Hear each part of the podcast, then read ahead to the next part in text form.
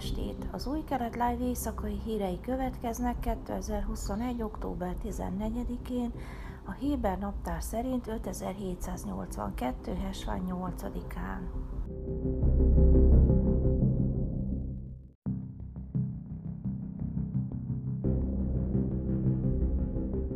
Az egészségügyi minisztérium főigazgatója Nachman Ás professzor csütörtök reggel közölte, hogy az izraelieknek a tél folyamán is maszkot kell viselniük beltérben, annak ellenére, hogy az ország egészében csökkenőben van a koronavírus járvány.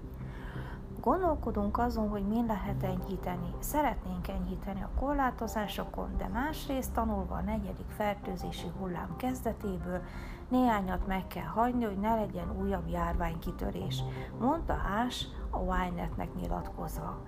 Így a maszkok egész télen rajtunk maradnak beltérben. Ez egy egyszerű és fontos óvintézkedés a fertőzések, például az influenza elkerülésére.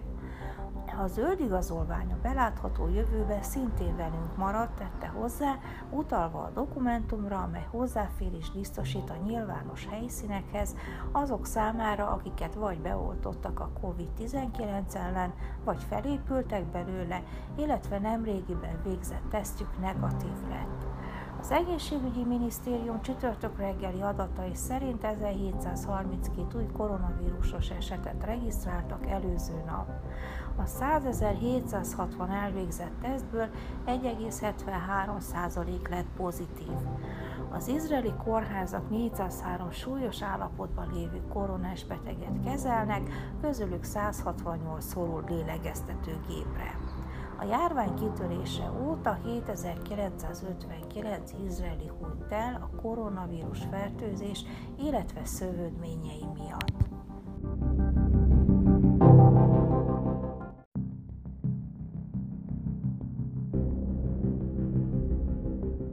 Bezalel Smotrich, a szélső jobboldali vallásos cionizmus párt elnöke csütörtökön azt mondta, hogy az ő szemszögéből néhány izraeli arab ellenség. Néhány izraeli arab a mai napig nem kötött békét a szabadságharc befejezésével, és továbbra is aláássa Izrael államát, mondta Smotrich a katonai rádiónak nyilatkozva. Az én szemszögemből ők ellenség, és nem kellene itt lenniük.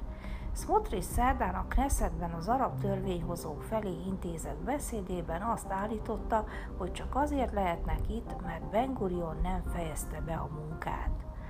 Hasonló megnyilvánulásairól ismert vallásos cionista frakció vezetőinek szavai a bevándorlási törvénytervezetről szóló Knesset vitán hangzottak el, amelyet pártársa Simha Rothman próbált elmozdítani, de sikertelenül. Smotrich azt kiabálta, hogy Izrael zsidó és demokratikus államként kell fenntartani, igen zsidóként, zsidó többséggel, biztonsággal Izrael állam polgárai számára.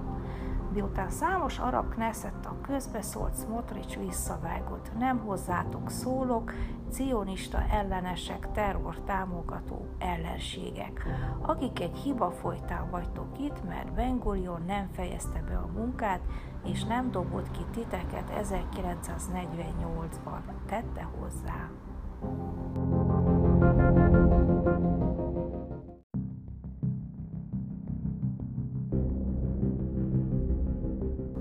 További hírek. Az iránbarát miliciák Szíriában nagyon kemény választ ígértek a szerda esti állítólagos izraeli-amerikai csapásra a közép-szíriai Pálmira város közelében lévő létesítményeik ellen, amely szerintük több tagjukat megölte és megsebesítette. Közleményükben a terrorista csoportok magukat együttesen szíriai szövetséges műveleti szobának nevezve arra utaltak, hogy az izraeli légicsapást Jordánián és a szíriai Al-Tanf térségén keresztül hajtották végre, amelyet az Egyesült Államok hadserege és szövetségesei irányítanak. A szíriai állami média a Szána hírügynökség szerint a légicsapásban egy szír katona meghalt, három pedig megsebesült. A szíriai szövetségesek műveleti szobája megerősítette, hogy több harcosuk is meghalt vagy megsérült a támadásban, bár pontos adatokat nem közöltek. Ezzel szemben az ellenzékhez kötődő tisztázatlan finanszírozású csoport, amelyet időnként azzal vádolnak, hogy növeli az áldozatok számát, a brit székhelyű emberi jogok Szíria megfigyelő központja közölte, hogy a légicsapás során három iránbarát miliciatag meghalt, négy másik pedig megsérült.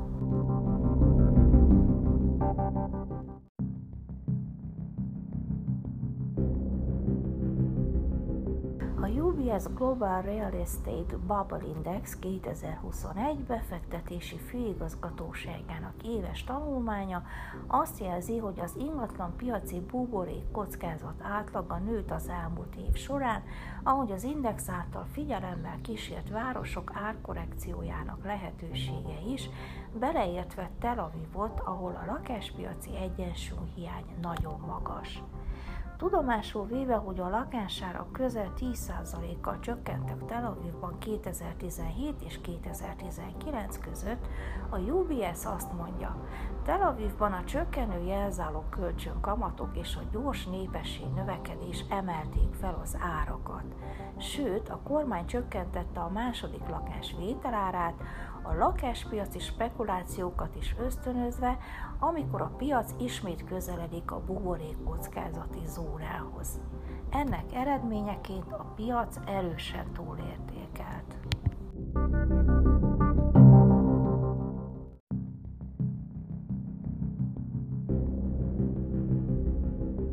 Időjárás. Pénteken napos idő várható, Jeruzsálemben 29, Hajfán 26, Ejlátó 37, míg Ásdodban 28 és Tel Avivban 29 fokra lehet számítani. A Sábán bejövetele Jeruzsálemben 17.31, Tel Avivban 17.51. Heti szakasz Lech Lecha. Részlet Ábrahám Egyiptomban és éjség volt az országban. Akkor lement Ávrom Egyiptomba, hogy ott tartózkodjék, mert nyomasztó volt az éjség az országban. És történt, midőn közel volt, hogy bemenjen Egyiptomba, mondta Szárának az ő feleségének. Íme én tudom, hogy szép ábrázatú asszony vagy te, és lesz, ha majd látnak téged az egyiptomiak, azt mondják, felesége az, és engem megölnek, téged pedig életben hagynak. Mondd kérlek, hogy nővérem vagy, hogy jó dolgom legyen miattad, és életben maradjon lelkem érte. És történt, midőn elérkezett Ávrom Egyiptomba, látták az egyiptomiak az asszonyt, hogy igen szép, és megláttak Fáraó nagyjai, és eldicsérték őt Fáraónak, és elvitték az asszonyt Fáraó házába. Ávrommal pedig jót tett miatta, és voltak juhai, marhái, szamarai, szolgái, szolgálói, nőstén szamarai és tevéi. De az örökkévaló sújtotta Fáraót nagy csapásokkal és az ő házát, Szárá Ávram felesége miatt. És hívatta Fáraó Ávramot, és mondta, mit tettél velem? Miért nem adtad tudtomra, hogy feleséged ő? Miért mondtad, nővérem ő, és én feleségül vettem magamnak? Most pedig imhol a te feleséged, vedd és menj. És rendelt Fáraó mellé embereket, és elkísérték őt, ő feleségét és mindenét, amilyen volt. Ezek voltak az új kelet life hírei csütörtökön. Shabbat Shalom!